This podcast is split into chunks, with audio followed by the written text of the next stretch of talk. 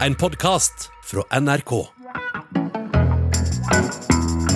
Norge har jo længe haft det mest normale kongehuset. Som politiskt intresserad så knarkar jag ju på det här. Det är som narkotika det här valet. Så sidder alle danskere og tænker, hvorfor taler Åsa altid om prostituerede? Norsken, svensken och dansken med Hilde Sandvik, Åsa Lindeborg och Hassan Preisler.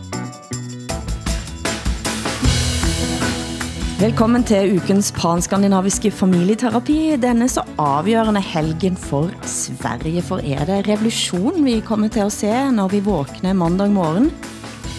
Uansett så sitter den skandinaviske familien her parat for terapi, og vi skal selvfølgelig innom det svenske homopolitikus. Har du egentlig sovet det sidste uken eh, også? Ja, det har jag. Och i natt så har jag faktiskt sovit i Kristiansand i Norge, där jag är på litteraturfestival. Sovit gott har jag gjort. Sove godt, uansett utfall. Hassan, har du tænkt eh, mye på skæbnen til vår eh, alles storebror siden sist? Har jeg tænkt mere på hvad? På vår alles storebror i Skandinavia. Vi sitter her trods alt i denne familien. Altså, du mener Sverige? Ja. Nå, okay. ja, nu forstår jeg. jeg. Jeg var lidt i tvivl om, hvad, hvad, hvad du mente med vores allesammen storebror. altså, S- Sverige er jo på, på en måde lillebroren i denne her tid, ikke? som kopierer ja. de andre nationer øh, med 10-20 års forsinkelse. Altså en, en efternøler, vil man kalde det på dansk. Varför Men- säger du inte idioten istället i familjen? Lika gärna. du sitter där och är så vänlig, alltså. Du tänker ju något annat. Lillebror, du menar ju att vi är idioter. Ja, men prøv at høre, man, selvom man synes, at ens lillebror er en idiot, så elsker man jo sin lillebror meget, Jo, meget, meget højt. Ikke? Så, så de ord kan jeg ikke tage i min mund. Du, Åsa, du er i Kristiansand. Ja. Og hvorfor i alle dager er du i Kristiansand? Nej, men det är, lite, eh, det är den här så kallade pro protestfestivalen som har som tema eller motto att eh, om, alla tycker li om alla tänker lika så finns det ingen som tänker. Och, eh, så det är folk här från alla möjliga ställen och eh, jag ska vara med på tre, tre samtal om demokrati, om eh, populism, politikerförakt och om monarkin faktiskt. Ja, om monarkiet. Hvorfor, hvorfor skal akkurat du snakke om monarkiet? Har du, Ja, vil du sige noget om det? Ja, nej, men jag, jag har ju ett intresse för kungligheter och monarkin som statsskick. Så jag eh, gör ju en film just nu om, om det där. Och mer än så vill jag inte prata om, men jag tycker att det här är roliga frågor. Det händer ju så mycket kul i, i Norge nu också med en shaman. Durek. Altså, Norge har jo længe haft det mest normale kongehuset, Ja. eh, men eh, hvordan ser det ut nu? Eh, hva, og hvad vet du om shamanen som svenske? Shaman Nej. Durek, som altså er forlover med, med prinsesse Märta. Men vad jag vet, det, det första är att man blir alldeles chockerad och också väldigt glad att det kommer in en svart i kungahuset. Man, när man ser Durek så, så inser man ju hur vit monarkin är liksom, i Europa. Meghan och han rör ju runt lite grann. Men sen så tycker jag det är så jättekul att han... Han vill inte vaccinera sig och han säljer, han säljer någonting för 200 kronor. En sten va? En Som, medaljong? som coronamedicin. Medaljong, medaljonger som en alternativ coronamedicin. Och då, då tycker jag också att det blir så lustigt. För att då, då, då blir ni i Norge jätteupprörda över det där att han håller på med hokus pokus. Men är inte hela monarkin hokus pokus? Som kungafamiljen som tror att man har blått blod. det är knasigt alltihop. Det. Vi kan jo høre, hvordan NRK's nyhetspodcast Opdatert eh, presenterte kontroversene rundt shaman Durek.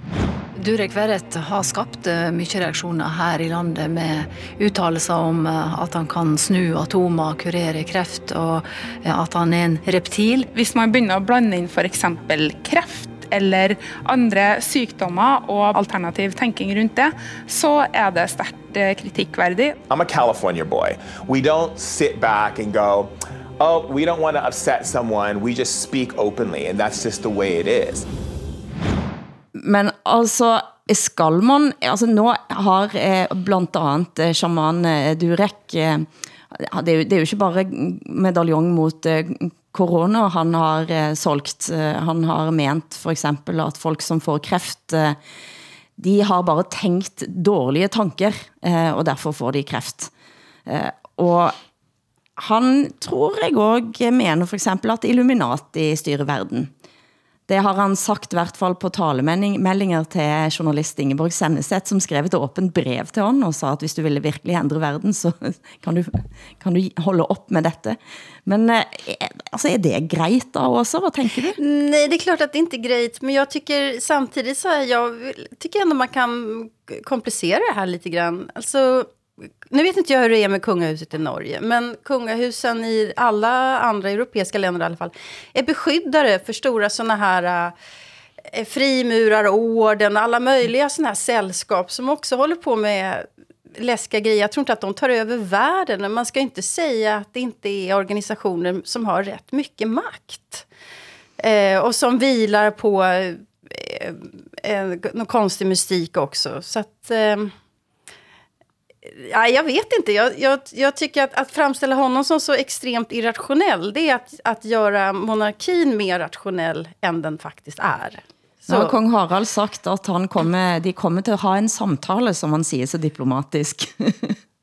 ja, men jag, jag är lite svag för den norska kungafamiljen. Jag gillar ju den. Eh, jag liker den ganska gott faktiskt. Men eh, klart det här är spännande. Men Hassan, det, det danske kongehuset også lidt i hardt vær for tiden? Ja, det danske kongehus støder jo på en del problemer efter, at, øh, at det er blevet så politisk korrekt, som det er blevet. Næsten woke, kunne man kalde det på nogle områder. Øh, fordi når man så begynder at øh, kæmme deres aktiviteter igennem, så ser man jo, at det ikke øh, stemmer overens med de idealer, de udtrykker. Og derfor så har kongefamilien måtte afbryde deres meget nære kontakt til den danske skovirksomhed Eko, mm. for eksempel, fordi Eko insisterer på at fastholde deres forretninger i Rusland. Mm. På samme måde har man nu set, at kongefamilien har deltaget i sejlsportskonkurrencen Sail Grand Prix, øh, som er sponsoreret af den øh, meget store, fine danske virksomhed Rockwool, som le- jo leverer isolering til bygninger, øh, blandt andet.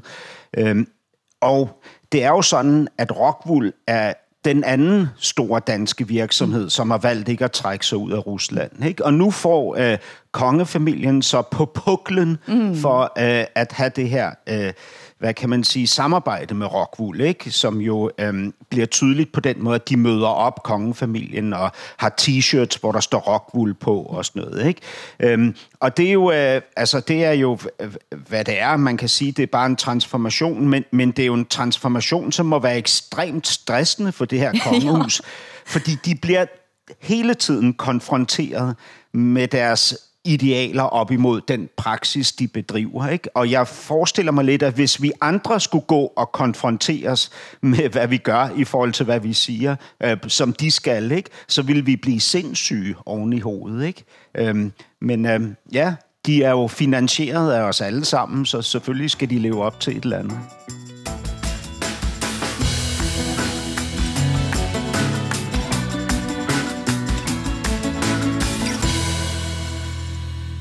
7,5 millioner svensker kan afgive sin stemme ved årets valg også. Eh, det er et ret stort tal, i alla fall i skandinavisk sammenhæng. Eh, Men det är ju det största landet i ja. Skandinavien, så det är väl inte så konstigt. Men eh, alltså, det, det, det är en gruppe särskilt som har vokst siden sist. Ja, det är, det är väljare som är över 75 år gamla. Ja. ja, ja. Og det er nok en uh, utvikling, som vi kommer til at se mer av. Altså, sådan, det, det, det er den utviklingen det er i hele Europa, at de äldste får mer at sige. Ja, de äldsta, de äldsta får mer att säga till om, men sen också våra nya medborgare. Mm. Jeg, jeg troede ikke, der var nogen øh, vælgere tilbage over 7-5 år i Sverige øh, efter corona øh, ja, det, vilken surpris, alla dog inte. Mm. Men det har, hvorfor, hvordan har denne valgkampen været? Ja, den, är, den är knallhård som ni säger på, på norska. Det, det är fruktansvärt aggressivt. Eh, men egentligen inte... Alltså det, det är väldiga personangrepp och karaktärsmord. Men jag skulle inte säga egentligen att det är så mycket bråk kring sakfrågor. För att Socialdemokraterna har en valrörelse som går ut på att de, att de säger ja till oppositionens nästan samtliga förslag. De säger jaha, ja, mer kärnkraft, ja, kanske det. Ja, si och så många eh, straffhöjningar, ja, ja, kanske det. Vi, vi säger inte nej till någonting, vi, vi ska fundera på det här. Vi är öppna för allt, vi utesluter inget, vi, vi stänger inga dörrar. Så det blir en konstig valkamp tycker jag. När, när det är å ena sidan väldigt konfrontativt och, och å andra sidan råder rätt stor oklarhet vad regeringspartiet faktiskt vill, ha, vill bedriva för politik. Men, men de her harde kampene som du snakker om, har det været på personnivå, eller er det netop det at alle har eh, nå gått til angrep på Sverigedemokraterne, som viser sig å eh, bare fortsætte væksten, i alle fall de sidste dagene før valget? Ja, alltså länge så tänkte jag så att det här var en originell valrörelse i Sverige därför att eh, man har tonat ner eh, varningarna för Sverigedemokraterna. Men sen nu när de går så bra så är vi tillbaka där vi brukar vara, nämligen att, att man varnar och varnar för 30-talet och nazismen och alltihopa. Och eh, eh, Socialdemokraterna hade en presskonferens eh, för några dagar sedan där om som bara handlade om att Sverigedemokraterna är, är dumma och dåliga och säkerhetsrisker och de har kontakter med Ryssland och med Syrien. Och, eh, och sådär. Och Sverigedemokraterna svarar då genom att ha en presskonferens som går ut på att eh, Socialdemokraterna är dumma och, och dåliga. Och det, är, det finns liksom ingen, eh, ingen politisk kreativitet, det finns ingen nyfikenhet, det finns ingen artighet överhuvudtaget. Det finns, det finns ingen... Eh, ingen respekt för varandra skulle jag säga. På ett og ganske mye trusler. Altså Annie Løf, centerlederen, er blitt, eh, altså har fått eh, dødshot mot sig. Eh, men så har han også haft ganske heftige utspill. Altså kristendemokraterne tidligere i sommer for eksempel, som sa at voldtægtsmænd bør kastreres. Jag tror också att det kan ha en viss avskräckningseffekt på en, en del personer att veta att man kommer att bli kemiskt kastrerad eh, om det är så att man inte sköter sig helt enkelt. Ikke helt svensk politik? Det är inte helt svensk politik. Eller eh, också Kristdemokraternas partiledare Ebba Busch frågade ju varför polisen inte skjuter hundra islamister under de här eh, korankravallerna. Och, äh, men det, det är jättehårt. Och, eh, jag, skulle, jag skulle ändå säga att, att eh, Ja, det är något sorgligt med alltihopa. Alltså som, som, som politiskt intresserad så knarkar jag ju på det här. Det är som narkotika det här valet. Jag, jag uppdaterar mig hela tiden. Jag lyssnar på allt, tittar på allt. Men jag känner också en väldigt stark sorg. Över... Två tre, två tre svenskar tycker att Sverige är på väg åt fel håll. Läste jag i en norsk undersökning. Och eh, det, det är väldigt stora motsättningar i Sverige. Enorma motsättningar. Du snakket om identitetsskifte. Er det du som er redd for det, eller er det noget sådan at eh, resten av Sverige sitter nu og tænker, endelig får vi gjort noget? Nej, men alltså jag, jag tänker, Sverige, förr i världen så tittade ni, Norge, Danmark, men hela världen tittade på Sverige som ett föregångsland. Eh, världens jämlikaste land, det var så eh, stor välfärd, det var så rikt, det var så bra. Så här demokratiskt. Och sen därifrån så gick Sverige till att själv ha idén om att vi är en moralisk stormakt. Och vi är världens mest progressiva land, världens mest moderna land. Och nu så är ju Sverige någonting annat. Det är ett land som folk tittar på och säger hell no, så där vill vi inte ha det. Eh, det, är, det är så våldsamt eh, och ingenting fungerar. Eh, och eh, att världens mest progressiva land kanske snart kan ha kan, kan sägas vara det land i Europa där högerpopulismen och nykonservatismen är som allra starkast faktiskt, med parlamentariskt stöd. Eh, så det är klart att det är ett skifte i vad är Sverige för ett land? Hur har det blivit så här och vems är felet och eh, vad kommer sen? Det är en, en stor identitetskris skulle jag säga. Även om, även om, Sverige, om Socialdemokraterna skulle sitta kvar, det är mycket som tyder på att det kanske blir så eh, att vi fortsätter som fyra år till, så, så är ju Sverige ett annorlunda land. Eh, med ja, de motsättningar som finns och de politiska förslag som är på agendan Nästan oavsett parti. Hassan? Ja, altså, jamen, jeg, jeg lytter til, hvad Åsa siger, og, og kan genkende den der sorgfuldhed over ligesom at tabe et, øh, ja, noget, som i hvert fald var et billede af en selv. Ikke? Øh, fordi øh, Danmark og danskheden gennemgik jo den samme proces for, for en del år siden. Ikke? Og det var jo også... Jeg, jeg kan huske, da Altså første gang, da jeg var barn, og Fremskridtspartiet blev store, og så anden gang, da jeg var ung, og Dansk Folkeparti blev enorme, hvordan det føltes som om, at, øh, at, at jeg eller vi ligesom havde tabt en uskyld af en art. Ikke? Men, men jeg tror også, og det kan jo være, at det er bare en, en måde ligesom kognitivt at, at kapere den her øh, nye virkelighed på. Jeg tror også, at det at det handler om, at ens billede nogle gange er stagneret i forhold til virkeligheden, ikke? Mm. og at Sverige og svenskerne så sig selv på en, på en måde, som nok måske ikke stemte overens med, med realiteterne længere. Mm. Ikke? Øh, det er i hvert fald det indtryk, jeg synes, man fik, når man stod udenfor og kiggede mm. på Sverige og svenskerne. Ikke? Mm. Men jeg, jeg, jeg, jeg deler, jeg, kan, jeg sidder simpelthen og får gåsehud, fordi mm. Åsa, jeg kan huske det meget tydeligt, mm. hvordan det var, øh, det der øh, forestillingstab. Ikke? Altså, det er jo det samme som at gå i terapi og lige pludselig finde ud af, at man er en idiot. Ikke?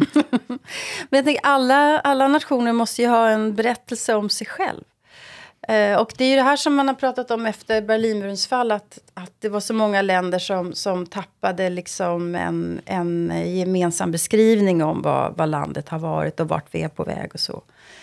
I Sverige har ju det där blivit akut nu. Vi har inte en gemensam berättelse om Sverige. Och eh, det blir också svårt att känna att vi delar ett gemensamt öde på något sätt. Mm. Eh, och man också tänker så här, i Sverige, vår identitet, att vi är så bra på att samarbeta och så vidare, och lösa problem och så. Det är vi ju inte alls. Det är inte som det är nu i alla fall.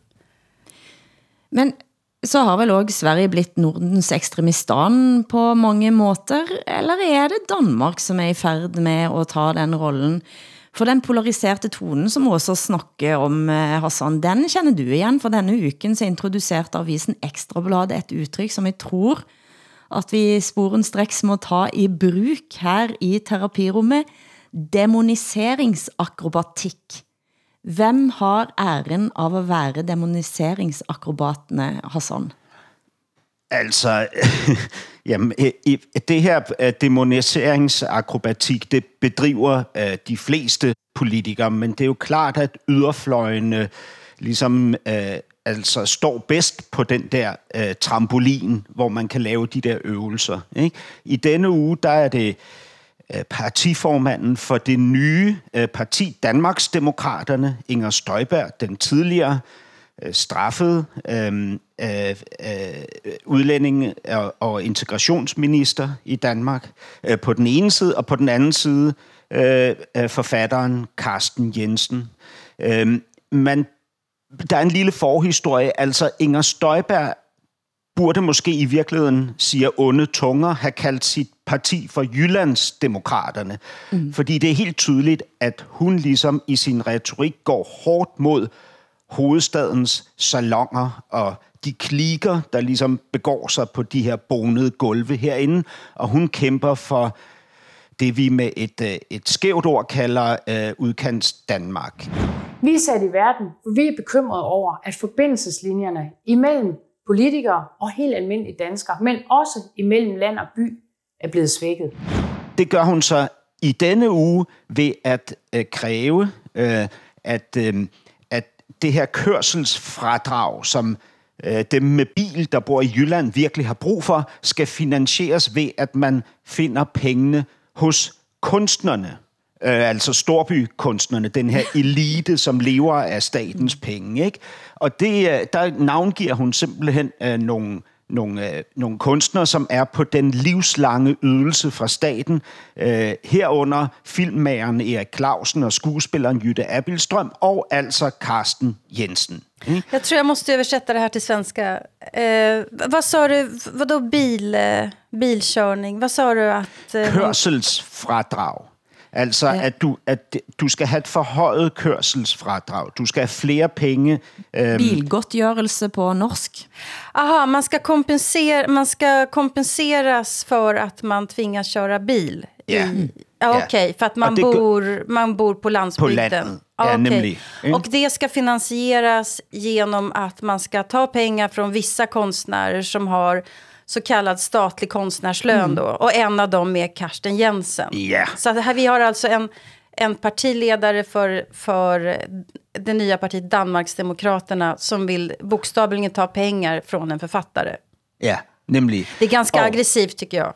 Ja, ja, det kan du sige, men, men det der jo er, er sikkert som ammen i kirken, det er, at Carsten Jensen hopper i med begge ben, og så øh, øh, deltager han i denne her demoniseringsakrobatik, ikke?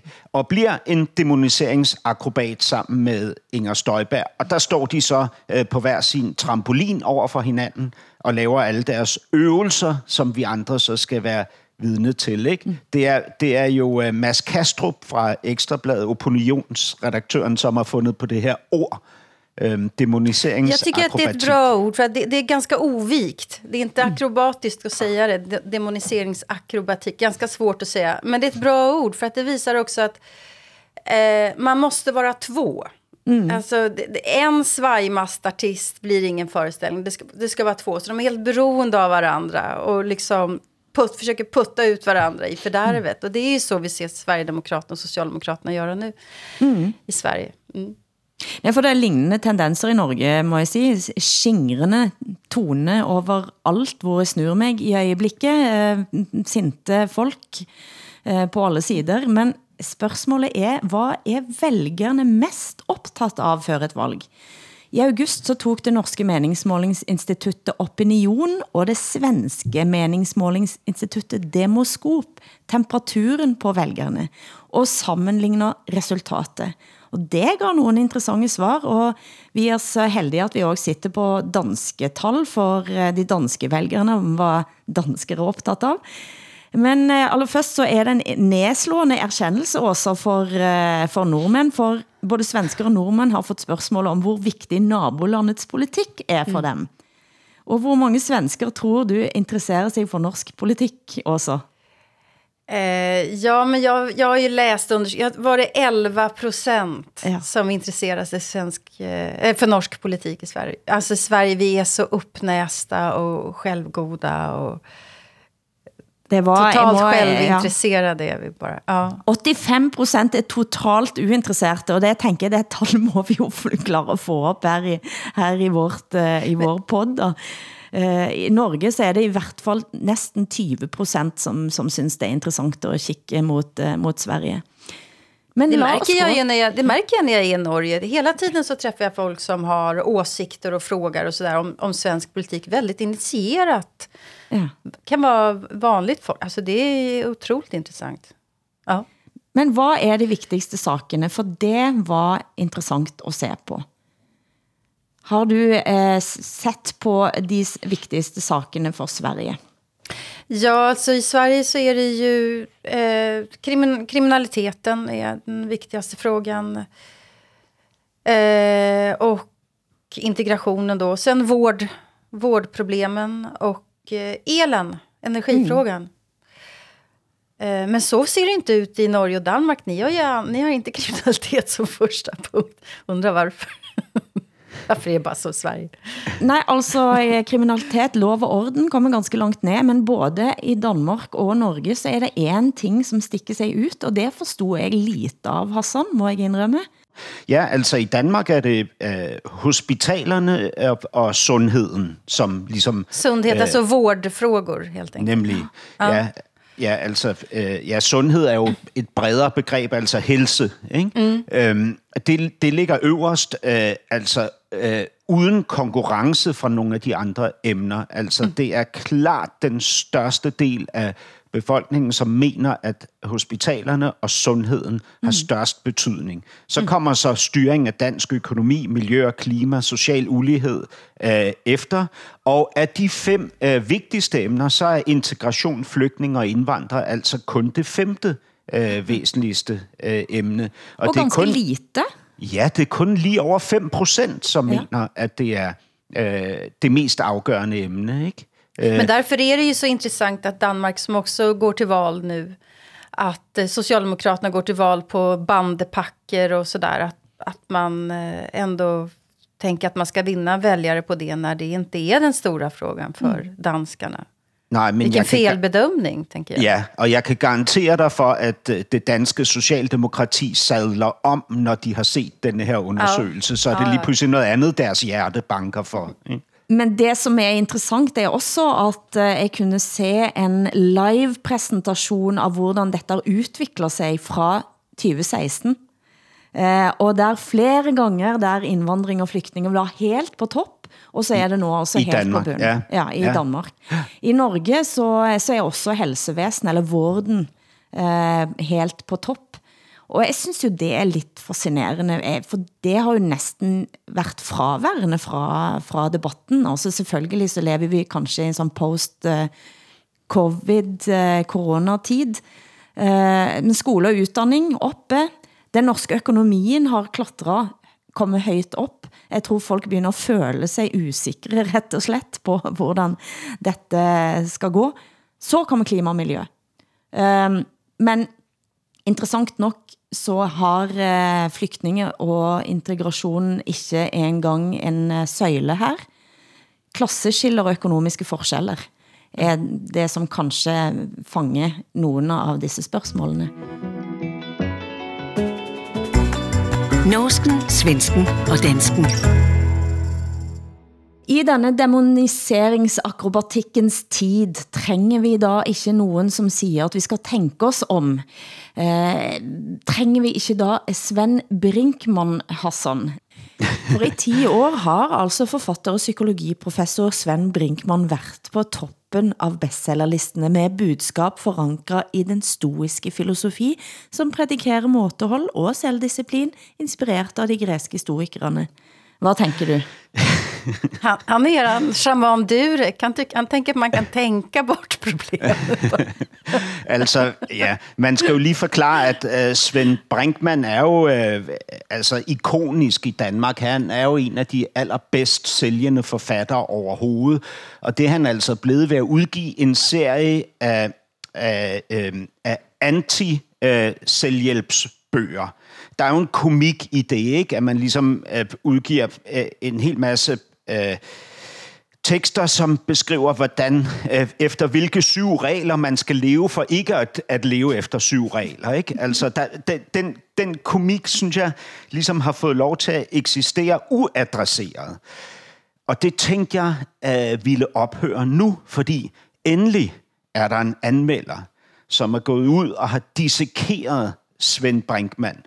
Politikens anmelder, Mathias Dressler Bredstorff, har givet uh, Svend Brinkmans uh, øh, seneste bog uh, to hjerter. Og han siger altså, at denne her uh, intellektuelle rockstjerne, som Svend Brinkmann er, måske uh, bør glemmes uh, efterhånden. Problemet med stoicismen, stoicismen det er jo en form for individualiseret kritik af individualismen. Men man kan ikke, og det her det leder kun til mere angst, frustration og meningsløshed, hvis man forsøger at takle, takle sociale problemer med individuelle løsninger. Godt, så det vil sige...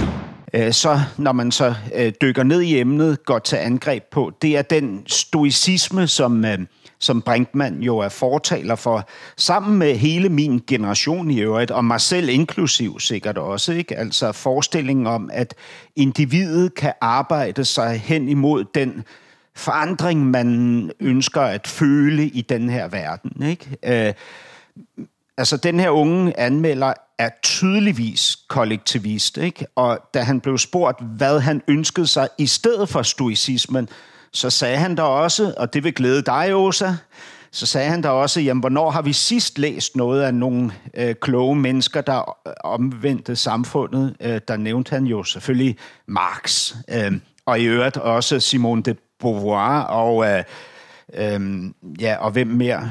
Øh, nogle, nogle andre. Jo, Michel Foucault i øvrigt. Øh, den pædofil beskyldte franske øh, filosof. Ja. Og, men men der, der, der forsvandt min sympati for det her generationsopgør. Fordi der tænkte jeg, det er simpelthen for stupidt, hvis det kommer til at være sådan, at det eneste, vi kan gøre, det er at kopiere vores øh, bedsteforældres øh, generation. Så faderopgøret kommer til at, at, at stå på en platform af kærlighed til bedstefaderen. Ikke?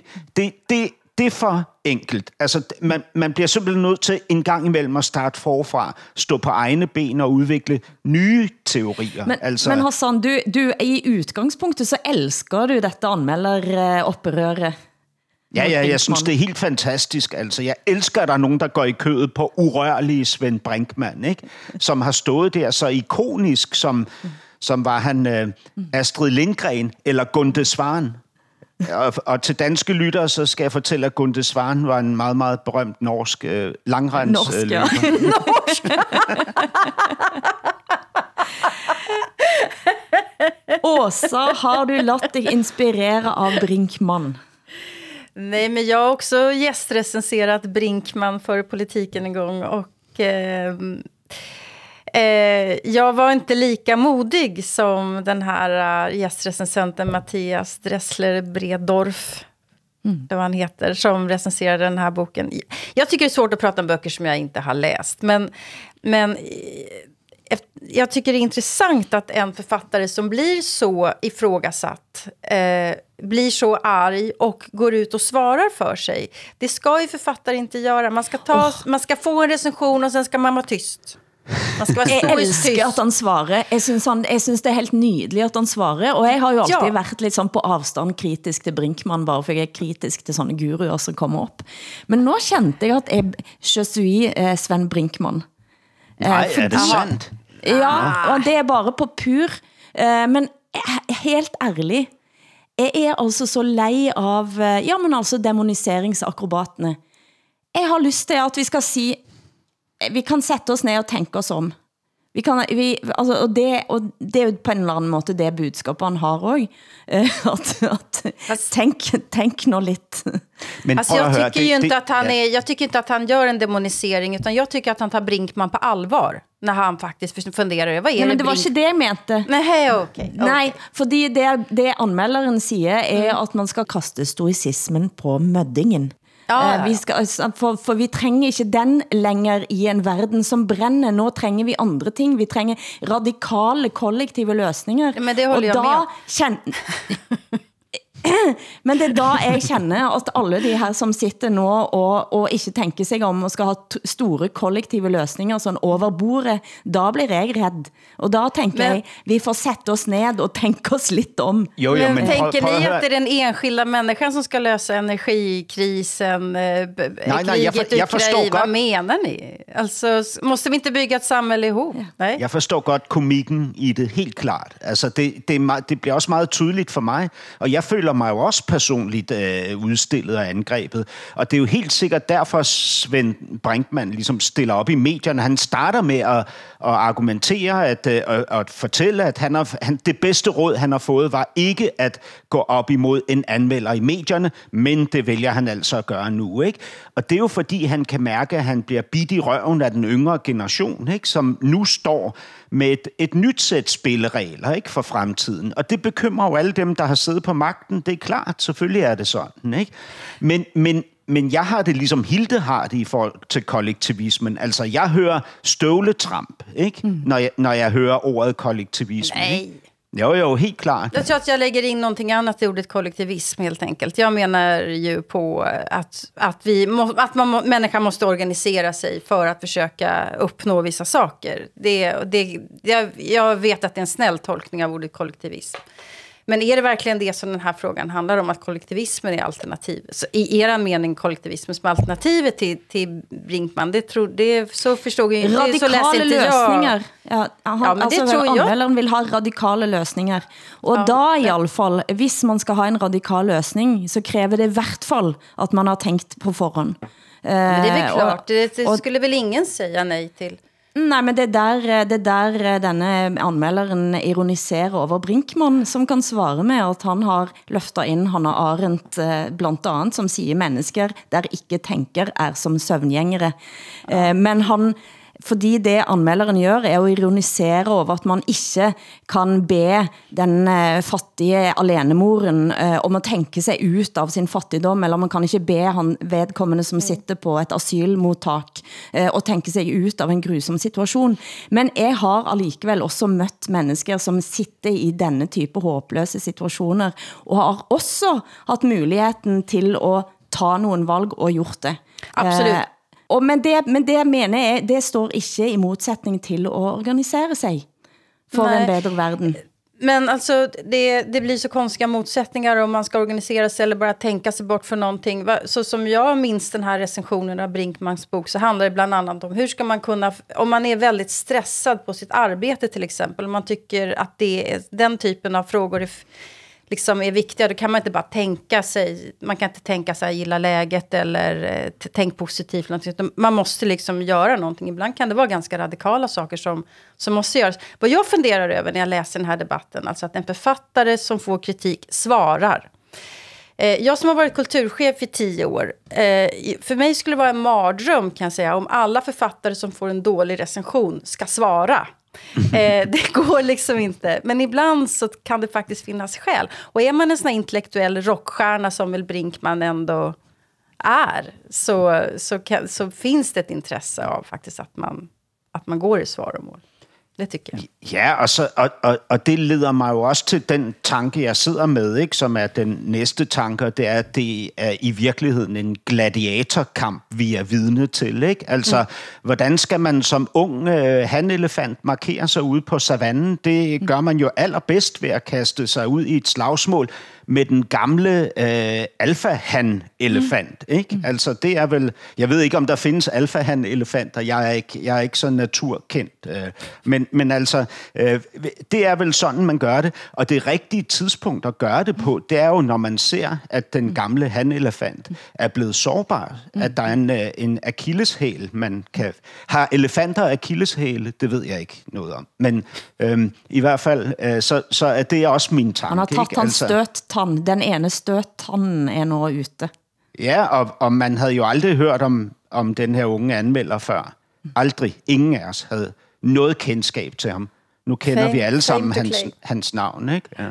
Du lyssnar på norsken, svensken och dansken. Vi snakker om Jimmy Moment forrige uke. Dette øjeblikket, når en opdager at indvandring har gått for langt.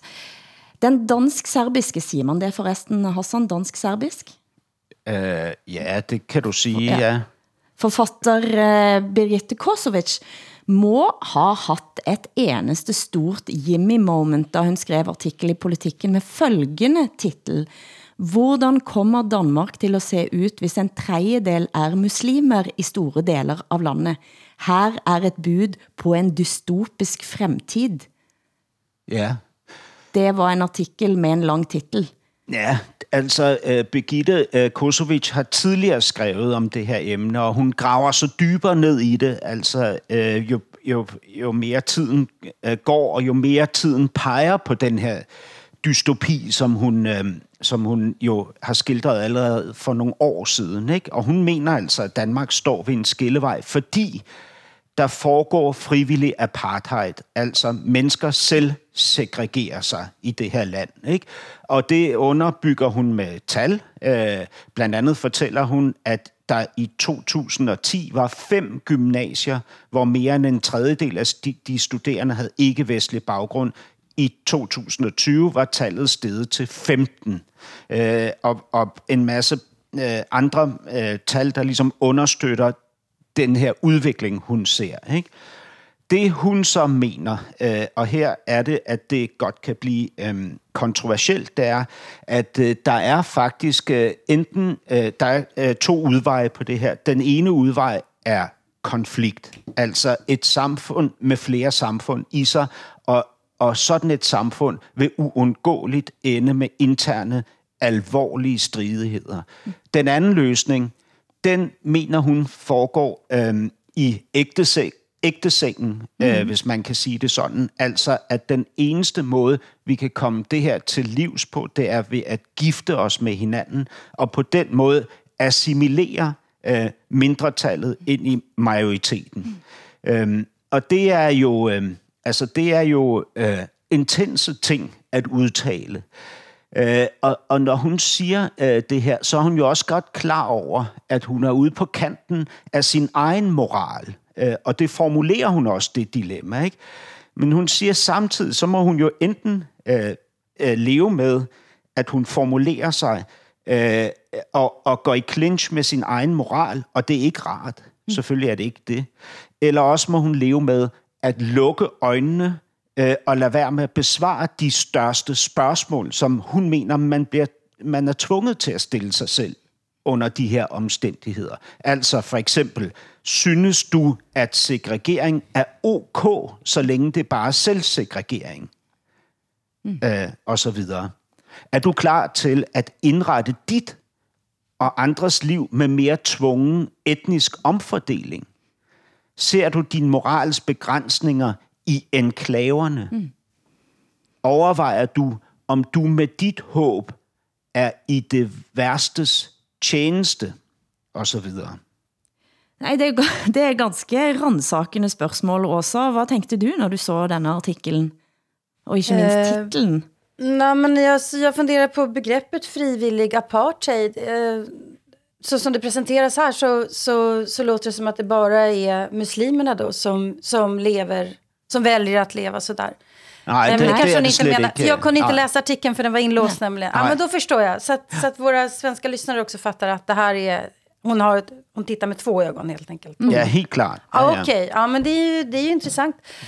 Eh, vi har ju ett stort problem i Sverige med segregationen. Alltså den, är, den är ju grotesk helt enkelt. Med vita områden och, eh, och eh, det här ordet som nu har kommit i svang. Icke, icke-nordiska etniciteter, sådana områden. Däremot är jag inte så säker på liksom att, att jag, jag, jag gillar inte riktigt att man pratar om muslimer på det här viset. Alltså det finns ju så många olika sorters muslimer. Det finns ju muslimer som är som vi. Det skriver, men det skriver hun også. Hun bruger hun, ja. egentlig ikke ordet muslimer, hun bruger ordet kulturislamist.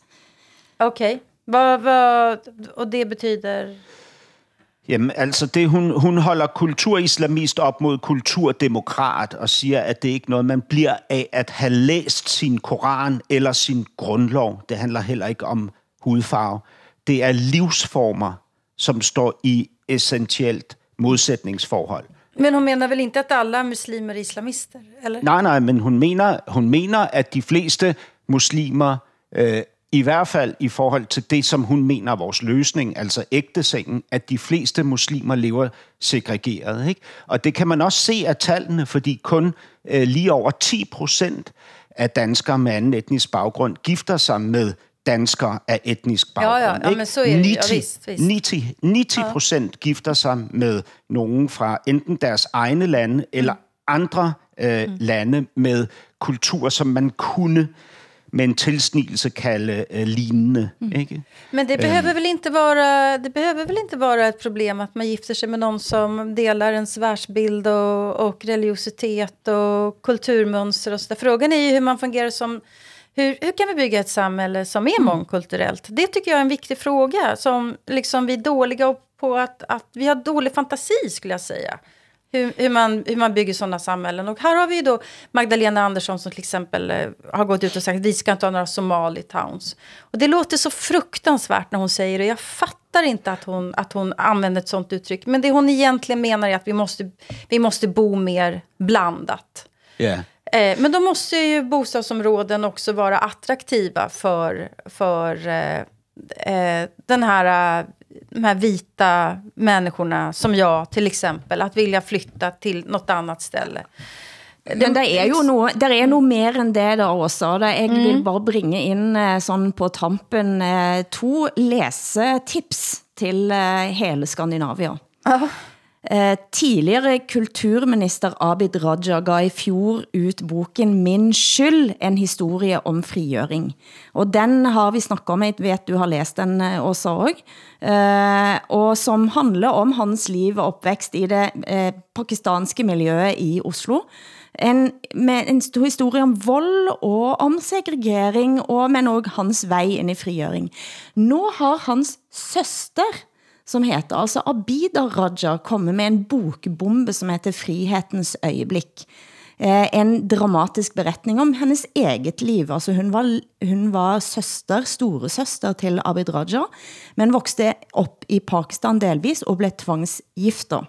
Og grunden til at jeg bringer dette ind, er at både Abid Raja og Abida Raja har været gift med, med, med pakistanske ægtefæller. Abida i et voldeligt ægteskab, ifølge henne selv, som hun eh, har valgt at eh, gå ut av. Abid Raja er gift med sin eh, store kærlighed, som han valgte på trods av familiens ønsker. Men det siger nogen ting, disse to bøkene op mot hverandre, siger nogen ting om, at vi er nødt til at begynde at snakke om noget andet end bare bosteder og skolesituation. Vi må altså snakke om de erfaringene, som Abida og Abid har haft med at leve i det, som de oplevede som et veldig segregert uh, Oslo. Uh, og da må ja, ja, ja. vi begynde at snakke om kultur. Ja, ja alltså, nej, men det där ifrågasätter jag inte. Jag bara, bara funderar över hur bygger man mångkulturella samhällen där vi, där vi faktiskt samarbetar och lär känna varandra? Och är det helt utopiskt? Eh, eller, eller är det möjligt? Ist, istället för att kräva att, man, att, eh, att vi ska ha eh, blandade äktenskap så kanske vi ska kräva blandade arbetsplatser. Alltså att man, att man lär känna varandra på arbetsplatserna i bostadsområdena, i skolorna. Men den här segregationen som är, den, den går ju inte att ha. Det, det, och jag, vill, jag vill liksom inte diskvalificera eh, förfärliga livserfarenheter. Jag bara undrar vad är, hur, hur ska vi göra? Det är det jag funderar över. Hur gör man? Ja, altså Birgitte Kosovic har jo et svar på det, ikke? men det er, okay. jo et svar, det er jo et svar, som er ubehageligt. Mm. Fordi svaret øh, afkræver os, at vi forholder os til spørgsmål, vi ikke har lyst til at besvare. Og det kræver af os, at vi begynder at diskutere med vores egen moral, altså den mm. moral, vi ligesom har stået på skuldrene af gennem øh, generationer, ikke? som handler om om netop det her med, at vi er jo vant til at sige, at så længe det ikke er noget, der direkte øh, i momentet skader sammenhængskraften, altså nu og her, mm. ikke? så skal vi kunne acceptere det. Ikke? Men hvad hvis vi pludselig opdager store kulturelle strømninger, som, som faktisk øh, øh, truer øh, ikke kun øh, sammenhængskraften, men overlevelsen. Mm. Ikke? Hvordan reagerer vi på det? Hvor langt er vi villige til at gå? Hvad er vi villige til at lukke øjnene for? Hvad, hvad koster det os at mm. åbne øjnene i forhold til øh, vores eget hjerte? Ikke? Mm. Altså, øh, og det, den diskussion øh, er, er i Danmark, øh, når Birgitte Kosovic kan skrive sådan et, et, øh, et indlæg i specifikt politikken som avis, ikke? så er den diskussion kommet et ret langt stykke videre. Mm. Øh, fordi det var utænkeligt, at, at hun at hun ville komme igennem med de her ord for fem år siden, og fuldstændig øhm, altså, jamen, øh, øh, øh, altså ulassergørligt, at det havde været for 10 år siden. Ikke? Så jeg ser jo en proces, ikke, som jeg synes er nødvendig og vigtig. Men jeg, ja, så vad jag tycker är sympatiskt med hela hennes projekt, det är just att lösningen, så som jag förstår henne då, är att, att vi ska just blanda oss. Det är inte att vi ska eh, kasta ut eller, mm. eller eh, ha gated communities eller så. Utan att vi ska just beblanda oss till och med så mycket så att vi ska blanda oss i, i, i, i sovrummet. Då. Mm. Den, all, den allra största beblandelsen som man kan tänka sig, det är ju väldigt sympatiskt tycker jag. Ja. Det hur, svårt att säga nej till det. Samtidig mener hun jo også, at der skal udvikles og eksistere en jura, som øh, faktisk forbyder segregeringen. Ikke?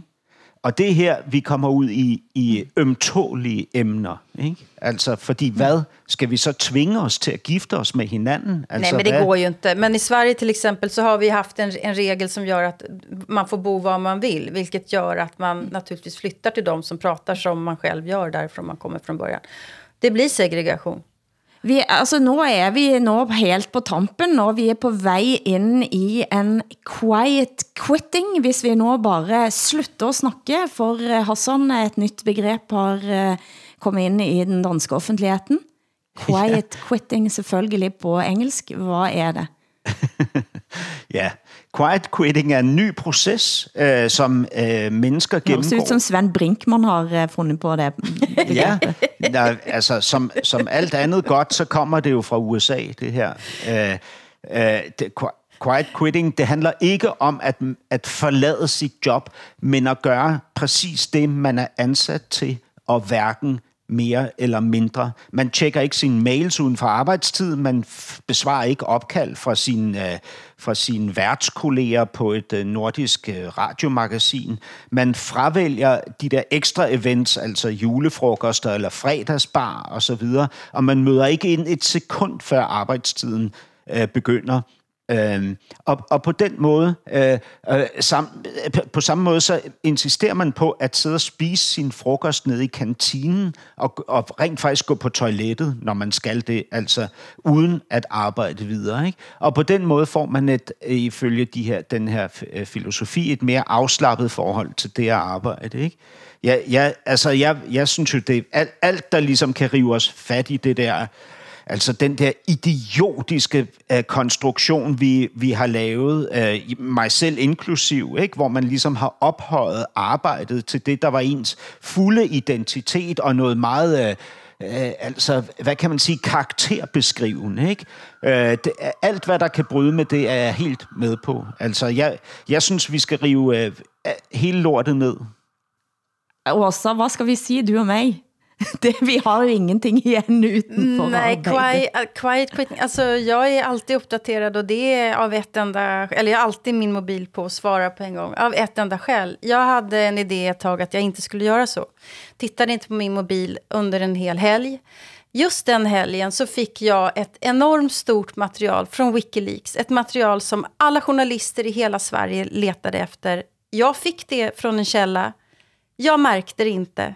Eh, så Aftonbladet förlorade två, dygns, eh, två dygn för att jag inte kollar min mobil. Efter det så är jag tillgänglig dygnet runt, dygnet runt, dygnet runt. Men i, i Sverige, Åsa, så hette det märska, märska, märska? Man, mask, man maskar. Det är ett gammalt maskar. uttryck. Man maskar på jobbet. Det betyder att man, att man gör så lite som möjligt. Man eh, gör helst ingenting. Och det är en eh, syndikalistisk egentligen, jag, eller anarkistisk kanske, metod. Att det är ett sätt att, att eh, vara revolutionär mot sin arbetsgivare och sådär. Det gör ju bara att alla andra på arbetet jobbarkompisarna måste arbeta dubbelt så mycket. För att de måste ju arbeta för det jag inte gör. För att jag tycker att jag sitter och är revolutionär.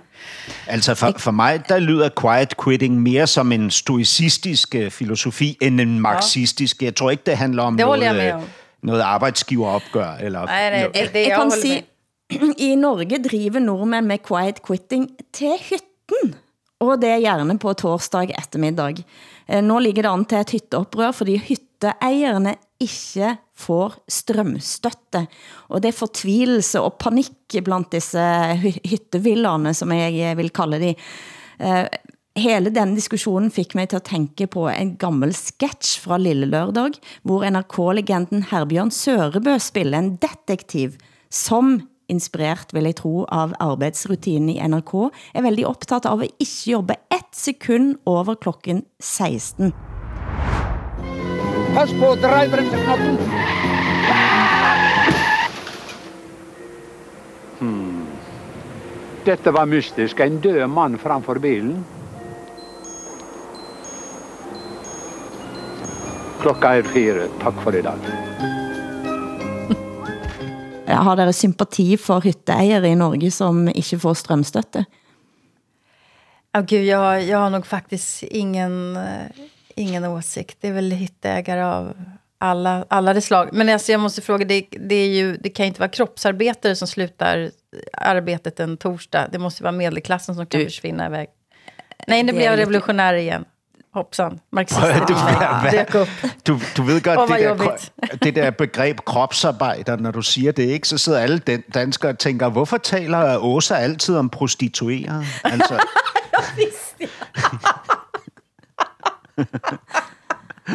kropsarbejder, det er altså en arbejder. En, der arbejder med sin krop. Ja.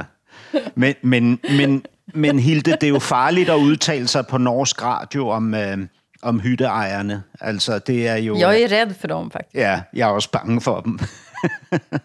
De har jacuzzi og opvarmer veier op til uh, villaen sin. Har alla hyttägare jacuzzi i, Ja da, i Norge? All, alle. Nej, men altså, jeg voksede jo op med, med hytte uden strøm. Uh, jeg har jo ingen sympati. Och så tycker du att alla ska ha det? Selvfølgelig. Selvfølgelig. Jeg skal ha sånn stoisk Sven Brinkmann-liv oppe på den der hytten uden strøm. Ja. Nu, nu, jeg bliver nødt til at være ærlig. Det er jo det, vi mødes om i det her program. Ikke? Jeg bliver nødt til at sige, at hvis man har været så idiotisk, at man har købt et hus på landet, ikke? så må man også tage straffen, øh, som, som jo nu rammer, fordi selvfølgelig kan man ikke forsyne hytterne med energi, når der er energikrise globalt set. Altså, punktum. Det blir sidste ord fra oss i ukens Norsken, Svensken og Dansken. Producent har været Eskil Paus, tekniker Hans Christian Heide, i redaktionen Henrik Hulland Ulving, tak til Hassan Preisler i København, Åsa Linderborg i Stockholm, og jeg heter Hilde Sandvik i Bergen. Programmet er produceret av både og for NRK, SR og DR, der redaktør for programmet er Ole Jan Larsen, og vi høres igen om en uke. Jag tyckte du sa norsken, snasken och dansken. Snasken.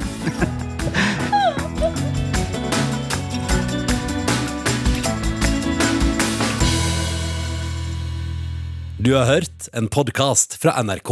Hør flere podcaster og din favorittkanal i appen NRK Radio.